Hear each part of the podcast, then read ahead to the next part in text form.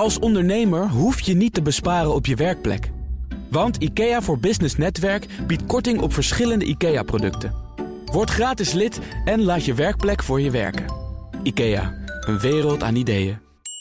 Van Zijl, Boardroom RTL en Talpa doen concessies in de hoop eindelijk te kunnen fuseren. En is er kans op een bankrun na negatieve berichtgeving rondom Bitfavo? Dat en meer bespreek ik in het Boardroom Panel. En daarin zitten Lieve de Klerk, directeur van SPI Nederland... en AG Teleman, algemeen directeur van LTP Business Psychologist... voorzitter van de Sportraad in Amsterdam... en ook voorzitter van de Raad van Toezicht van ICK Dans Amsterdam. Welkom, dames. Dankjewel, Thomas. Laten we beginnen. Ik hoor dat je een enigszins aangetaste stem hebt. Nog een half uurtje presteren en daarna wens ik je alle wetenschap. Dank je. We beginnen met RTL en Talpa. Die hebben nieuwe plannen ingediend om de bezwaren van de ACM... tegen de fusie, de voorgenomen fusie, weg te nemen.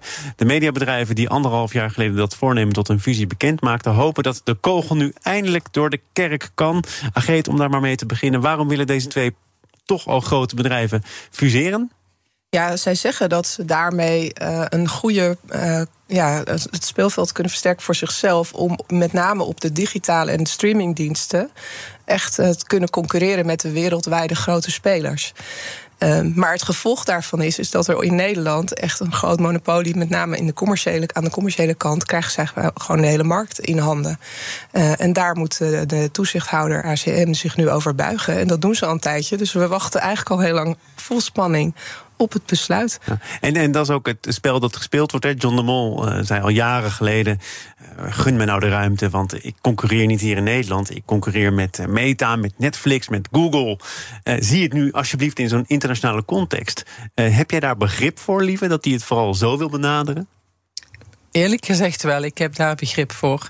Nederland is een relatief kleine markt. Natuurlijk, je wordt uh, heel erg groot op de Nederlandse mediamarkt. Maar als het gaat om het aspect advertenties, ja, dan is die concurrentie niet binnen de Nederlandse markt, maar die concurrentie is inderdaad met Google. Dus dat is ook best een, een moeilijk dilemma. Je hebt een klein land en daar heb je ook de, of die afweging voor nodig. Dus die ACM doet correct haar werk. Maar in die advertentiemarkt ben je een relatief kleine speler. Maar je zegt het zelf wel, het is ingewikkeld. Want de ACM doet ook waartoe de ACM op aarde. Ja, de Namelijk kijken wat het in Nederland betekent. Precies, en dat doet ze ook correct, denk ik. Eh, dat is ook de enige manier waarop dit ook kan. Je moet het toetsen volgens de Nederlandse regels. Je fuseert in Nederland. Uh, en dat is een rationele en een factuele afweging. Uh, maar ik begrijp wel de afwegingen waarmee RTL en Talpa dit willen doen. Je kunt op basis van wat er nu gebeurt, namelijk dat uh, indienen, voorstellen van concessies of remedies, zoals dat in vaktermen blijkbaar heet, concluderen dat de ACM die fusie in eerste plaats niet zag zitten, Ageet. Anders was dit niet nodig geweest, of wel? Nee, ik heb dat ook eerder hier al gezegd, dat ik verwacht dat ze zoals de fusie nu is, uh, voor ligt ook niet goed zullen keuren. En dat, dat, ja, dat, dat denk ik ook omdat je het ook in andere Europese landen, met name in Frankrijk, heb je hetzelfde besluit gezien. Of je het fusie daar is ook niet doorgegaan, maar daar speelden dezelfde redenen. Nou, die ging ook uiteindelijk niet door nadat niet door. de eis was om zenders te laten vallen. Precies. Ik geloof uh, MC's ja. en TF1.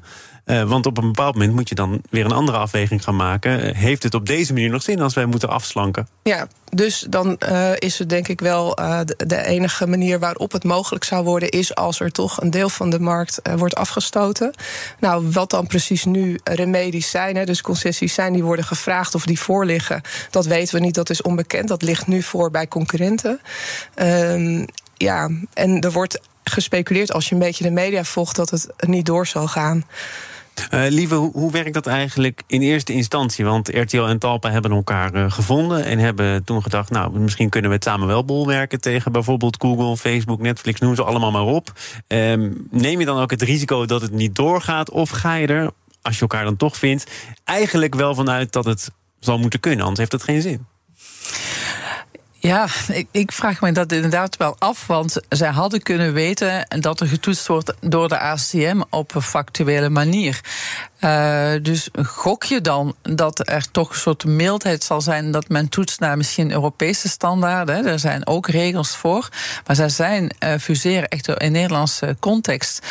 Uh, dus het is een goede vraag. Ik weet eigenlijk daar het antwoord niet op, maar ze zullen ongetwijfeld ook geadviseerd geweest zijn destijds door, door een race van advocaten die daar een bepaalde kansberekening hebben op losgelaten.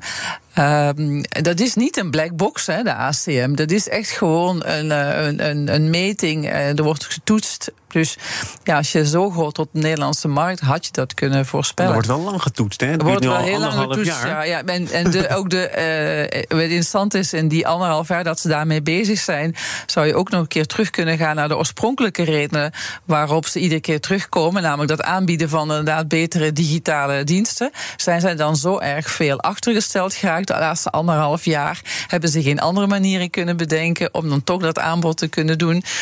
Ja, het lijkt wel alsof dat dan die reden om dat te doen anderhalf jaar geleden nu ook niet helemaal meer opgaat. Want hebben zij dan zoveel schade geleden? Duurt het te lang?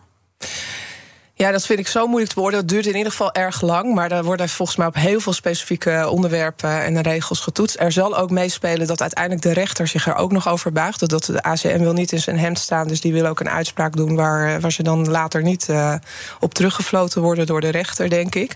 Um, maar er spelen ook wel op de andere achtergrond ook belangen. Uh, als het gaat om bijvoorbeeld om content. Partijen die content maken. Die zijn, hebben er ook belang bij dat er concurrentie blijft. Dus het is niet alleen de advertentiemarkt, maar ook echt de inhoudelijke nee, dat heb ik uh, begrepen. Maar er wordt nu dus een markttest uitgevoerd. Dat gaat allemaal dan wel weer in een uh, behoorlijk tempo. En ik ja. uh, hoorde de vertegenwoordiger van die producenten zeggen... Nou, ik heb niks gehoord. kan je daar dan uit opmaken nee, dat, dat er op dat vlak dan concessies zijn gedaan? Dat dat probleem nee, is opgelost? Je, denkt Want je, je zou je bijna gepasseerd voelen. Je denkt dan niet dan dat daar niet de concessies of de remedies op dat gebied worden gezocht. Dus dat dat meer gaat om het afsplitsen van zenders.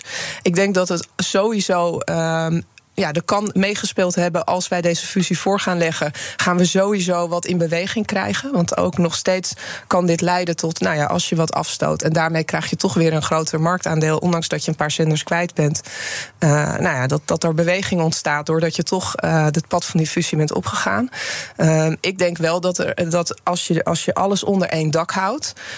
dan is het ook wel echt voor Nederland, voor de advertentiemarkt op televisie, die nog steeds heel groot en relevant is ook echt wel belangrijk dat daar goed op getoetst wordt. En dus ook op die inhoudelijke kant vind ik het, uh, zou het naïef zijn als deze twee partijen gedacht hadden, dus uh, Talpa en RTL, oh dat gaat ons wel lukken. Want ze krijgen echt op tv en, en radio een heel groot Maar ze hebben wel de vlucht naar voren genomen. Ze, ze hebben in ieder geval dat initiatief genomen. En je ja. zegt ook al zou dat uiteindelijk niet tot een fusie leiden, dan nog komt de markt in beweging. Ja, dat zou kunnen. Dat, dat, ik denk wel dat ze daar uh, dat ze die beweging uh, willen forceren, sowieso. En liever zou je kunnen zeggen wat er in Frankrijk niet mag, hè? wat we dus hebben gezien met die uh, voorgenomen fusie die ook van de baan werd geveegd. Ehm, zou je kunnen zeggen, nou, dan weet je eigenlijk ook al welke kant het op gaat in Nederland, als het daar niet kan. Dat denk een soort gelijke fusie. Ja dan weten we ook wel. Dat denk ik, eigenlijk, dat denk ik eigenlijk wel. Want het punt van de content is eigenlijk veel relevanter nog dan de advertentiemarkt. Hè? Want de content is wel dat je heel grote speler wordt op een relatief kleine markt. Uh, en er zijn landen waar we ook al voorbeelden van gezien hebben. Pak Italië of Engeland, hè, waar de sturing op die content, uh, doordat er een hele grote machtige partij is, niet altijd de juiste wenselijke richting op gaat. Het gaat toch over onafhankelijkheid en beïnvloedbaarheid. Dus dat vind ik zelf veel relevanter nog dan die, dan die, dan die advertentiemarkt. Ja. Dus ja, inderdaad. In Frankrijk wordt dat heel belangrijk gevonden. Ja. Dat eigenlijk uh, productie in eigen taal. Ja, dat zijn allemaal ja, dus, eisen. Maar ook, maar ook in, in, toch nog, misschien is naïef, maar toch enige vorm van onafhankelijkheid nog steeds. Wat voor sturing kan je krijgen als je zo'n grote media uh, ja, beïnvloeder hebt? Uh, vanuit politiek of vanuit zakelijke achtergronden, vanuit persoonlijke preferenties. Dat is gewoon geweten dat het daar wel degelijk een risico is. Hoe verklaar jij dan dat die producenten niet worden meegenomen in die markttest? Althans, dat er tot nu toe geen bericht van uitgegaan is vanuit Azië? Ja, niet, niet. Ik verbaas me net zozeer als jij. Verbaas ik mij daarover dat dat ja, heel bijzonder is. is het kan niet zomaar een omissie zijn hè, van oh oeps, we zijn jou vergeten. Dat, dat, dat weet ik niet. We gaan naar andere bijzondere ontwikkelingen op de cryptomarkten. BNR Nieuwsradio. Zaken doen. Thomas van Zeil. Lieve de Klerk en Agent Tellerman zijn hier als leden van het Boardroom Panel. Bitfavo dreigt 84 miljoen euro te verliezen... nu de crypto-broker Genesis slechts 70% van de geleende klantgelden wil terugbetalen. Daarover is veel geschreven. Afgelopen week onder andere in het FD. Bitfavo leende 280 miljoen euro uit aan Genesis... in de vorm van staking. En hoe dat precies werkt, legde Marco Groots... hij is van 8 Days a Week en lid van ons beleggerspanel... eerder uit in dit programma. En steken, dat is eigenlijk heel simpel gezegd. Ik heb muntjes. ik geef Bitfavo toestemming om die muntjes ook aan andere instituten uit te lenen. En in ruil daarvoor krijg je een vergoeding. En dat steken, uh, daarvoor moet je een knopje omzetten in je Bitfavo-app. Dus dan zeg je ja, Bitfavo, jullie mogen dat doen. En dan krijg je dan een vergoeding voor, als je dat met bitcoins doet. 7, 8, 9 procent per jaar. En dat wordt dan maandelijks uitbetaald. En in Ethereum uh, iets meer. Hebben jullie iets nieuws gehoord of liever is het iets waar jij je toch al dagelijks mee bezig hield? Eerlijk gezegd, ik hou me niet met de crypto-markten uh, bezig. Dus ik heb mij ook echt even stevig moeten inlezen nou, voor dat, dit onderwerp. Dat stel ik zeer op prijs. Laten we het dan ook vooral hebben over de bestuurlijke kant van deze kwestie, de governance kant. De oprichter van Bitfavo vertelde vorige maand in het FD dat de risico's van het uitlenen van die cryptomunten wel in de algemene voorwaarden stond, maar niet op de uitlegpagina. En daarvan zegt hij nu. Ja, ik begrijp dat u dat vraagt als journalist. Misschien hadden wij wel wat beter moeten zijn in onze communicatie. Misschien hadden we wel wat duidelijker eh, dat naar voren moeten brengen.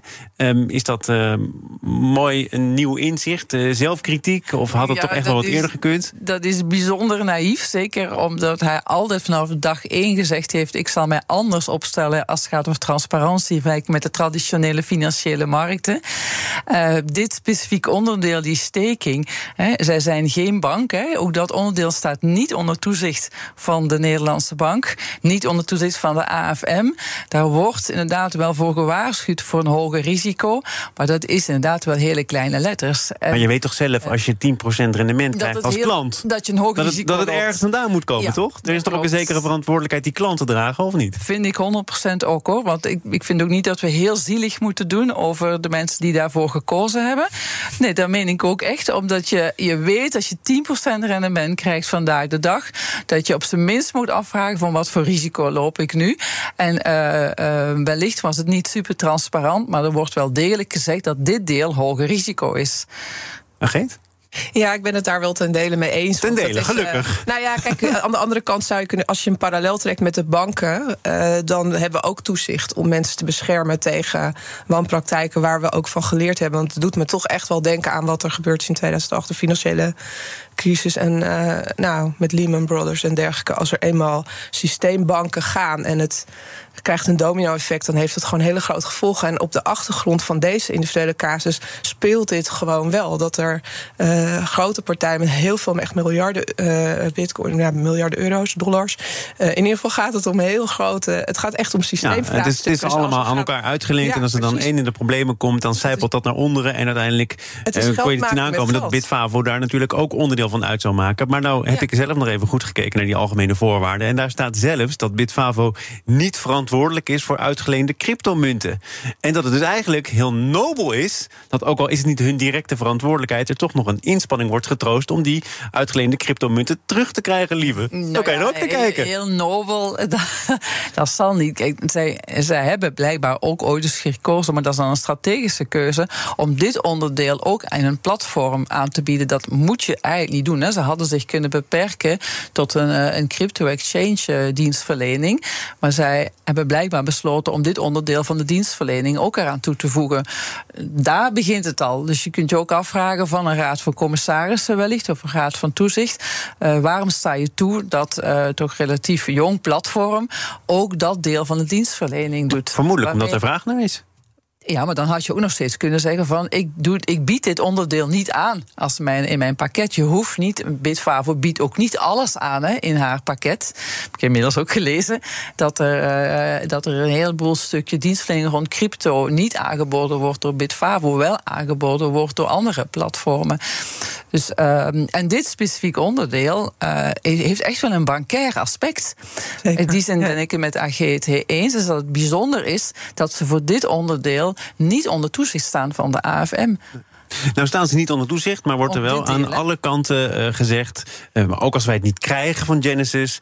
dan komt het op een andere manier wel goed. Omdat we alvast iets uh, afhalen van de gereserveerde winst over 2020. Banken kunnen nog inspringen. De eigenaren kunnen bijstorten. En dat zal ook wel moeten, omdat het Financiële Dagblad berichten... over het eigen vermogen van Bitfavo. Dat komt niet in de buurt van die 280 miljoen. Komt neer op een kleine 34 miljoen. Um, dat er zo duidelijk wordt gecommuniceerd hoe het uiteindelijk goed komt. Dat maakt niet uit, maar het komt goed. Ja. Is dat een risico? Nou kijk, ik denk dat ze er alles aan doen om uh, de klanten van Bitfavo nu ook echt wel gerust te stellen dat het zo nodig goed kan komen. Want ze willen natuurlijk voorkomen dat iedereen zijn geld eruit wil halen. Want dat geld is er nu niet. Ja, maar ja, dan moet je het wel waarmaken als je het tien keer zegt. Ja, en, en het blijkt dus, alsnog niet goed te komen. Dan heb je een dubbel dat probleem. Dat zo is. Um, maar ik denk ook dat. Ja, dus dat is eigenlijk de vraag. Dat weten we niet. Op basis van de cijfers die bekend zijn, uh, wordt de vraag: is het terecht om de vraag te stellen: hebben ze dat echt? Maar ze willen natuurlijk ook een bankrun, uh, als die term hier van toepassing is, voorkomen. Um, dus de communicatie is nu heel belangrijk om klanten te, gerust te stellen. Ik maak me eigenlijk meer zorgen over het feit dat zij niet de enige partij zijn die, die, die hier last van hebben. En dat, ja, misschien moet je het wel zien als een soort volwassenwording van deze technologie of, of, of financiële. Uh, um, ja, een vorm. Um, op zich is er het nog veel te weinig toe. Er was ideaal, of ideeel, hè, technologie waarmee je onafhankelijk kon worden van Het gaat wel komen in 2024. Ja, dan is er Europees toezicht. En vermoedelijk zullen veel bedrijven zich in de aanloop naar 2024 zich daar al naar gaan gedragen. Of ja, moeten de, gaan gedragen. De, de, eerste believers in Bitcoin hadden een heel ideeel idee erbij. Op een gegeven moment kan je zeggen, nou, het is een schaars middel. Dus als meer mensen het willen, ga je er vanzelf rijker van worden. Maar nu is het gewoon een middel geworden om van geld geld te maken. En dan krijg je allerlei patronen die echt lijken op waar we ook een financiële crisis door hebben. Echt een bankencrisis door hebben gekregen. Echt met een grote luchtbel. Dat als het gaat, gaat het heel hard. En ik denk dat dat toezicht nu echt wel nodig is. Uh, en dat individuele partijen, en dat geldt ook voor klanten, uh, uh, ook wel achter hun oren moeten krabben als je geld investeert in iets waar je op een gegeven moment zelf niet meer ziet wat er met jouw geld gebeurt. nog even terug, ja, liever naar de vraag. Je, nog even één, maar vind je dan ook niet bijzonder hè, dat tot een relatief jonge onderneming, hè, even verder gaan op het ideële, nu niet zegt hoe hij dat gaat oplossen? Dus wat is er nou moeilijk om uit te leggen hoe hij het gaat oplossen? Nou, hij zegt wel hij volgens zegt mij wel. dat hij uh, zelf hij wil bijstorten of dat hij uh, naar banken toe gaat. Klopt, maar dat is nog steeds vrij intransparant. Nou, omdat hij natuurlijk hoopt, en uh, daar ging mijn volgende vraag over, dat hij het alsnog gaat terugkrijgen van Genesis. Want ja, dat er daar geen geld is, dat wordt betwist. Hè? Genesis heeft nu gezegd 70 procent en dan mag je nog heel tevreden zijn. Eh, nee, zegt Bitfavo, wij weten op basis van vertrouwelijke informatie dat dat geld er echt nog wel is. En er gaan berichten over ontslagen. Er gaan berichten over het aanvragen van, van een faillissement... of in ieder geval het uitstel van betaling. Maar, zeggen ze bij Bitfavo... geloven we niet uh, dat dat zo zit. Er is wel degelijk nog geld. Ja. Uh, moet je daar dan uh, op blijven gokken, op blijven sturen? Ja, ik heb mij dat zelf ook afgevraagd. En zelfs nog opnieuw vanochtend afgevraagd. En zelf dacht ik van, ik zou het risico niet nemen. Ik zou het aanbod pakken pakken en uh, je verliest. Nee, maar, omdat ook de, de doorlooptijd waarmee dit wellicht uh, pas zal komen vanaf Genesis. Er zijn ook heel veel signalen. Hè, ook als je weer opnieuw leest. Ja, gaat dat Genesis wel degelijk ja. kan omvallen. Er wordt veel druk gelegd hè, vanuit die andere partij waar ook veel over gesproken Winkelvos. wordt. Ja, inderdaad, Winkelvos. Hè, uh, wordt veel druk gelegd. Uh, dus je moet het nu doen, voor je het weet is het weg. Ja, ik zou dat, ik, ik zou dat doen. Ga je jaren procederen. Kost ook ontzettend heel veel. Is heel, ja, klopt, is heel veel geld. Ja. Maar en je vraagt gewoon, wat zou je doen, hè? En nou, ik denk ik nu, zonder al te veel kennis van... Uh, nou, ik heb het idee dat dat de inlezer zijn werk heeft gedaan, lieve. Uh, maar uh, misschien toch ook wel... soms kunnen faillissementstrajecten en de signalen naartoe lang duren... Uh, en uh, is het nu ook dan niet nu dat je dat vertrouwen moet herstellen in, uh, ook voor je klanten? En dat je dat dus inderdaad waarmaakt dat je niet een risico op een bankenrun uh, moet uh, zelf uit. Het ging net heel even over uh, ideële kwesties. Laten we dan maar afsluiten bij de Postcode Loterij. De rechtszaak van Nova Media Holding, het internationale moederbedrijf van de Postcode Loterij, tegen de oprichters Boudewijn Poelman en zijn echtgenoten, gaat definitief niet door. En die rechtszaak zou vandaag dan voorkomen bij de ondernemingskamer. En er is de afgelopen jaren blijkbaar voor een belangrijk deel achter de schermen het een en ander gebeurd. Want Poelman die trad terug als topbestuurder van deze holding. Maar hij hield via een andere onderneming, Stella Media, wel stemrecht in de vergadering en dividendrecht. Terwijl er eigenlijk blijkbaar alleen maar belangrijke beslissingen kunnen worden genomen op basis van unanimiteit. En Poelman had het idee dat hij en zijn vrouw, toen hij eenmaal weg was, stelselmatig werden tegengewerkt, gekleineerd, gepest. Er werden uitgeverijen verkocht. De echtgenote van Poelman verloor de baan. En toen hebben zij gedacht: weet je wat, wij gaan dat stemrecht gebruiken om alles wat ons niet zint te blokkeren. Is dat een eh, correcte samenvatting, Ageet? Nou, het lijkt wel op het beeld dat ik ook haal uit de media. Maar dat moet ik er dan wel bij zeggen. Uh, dat is natuurlijk altijd de nuance.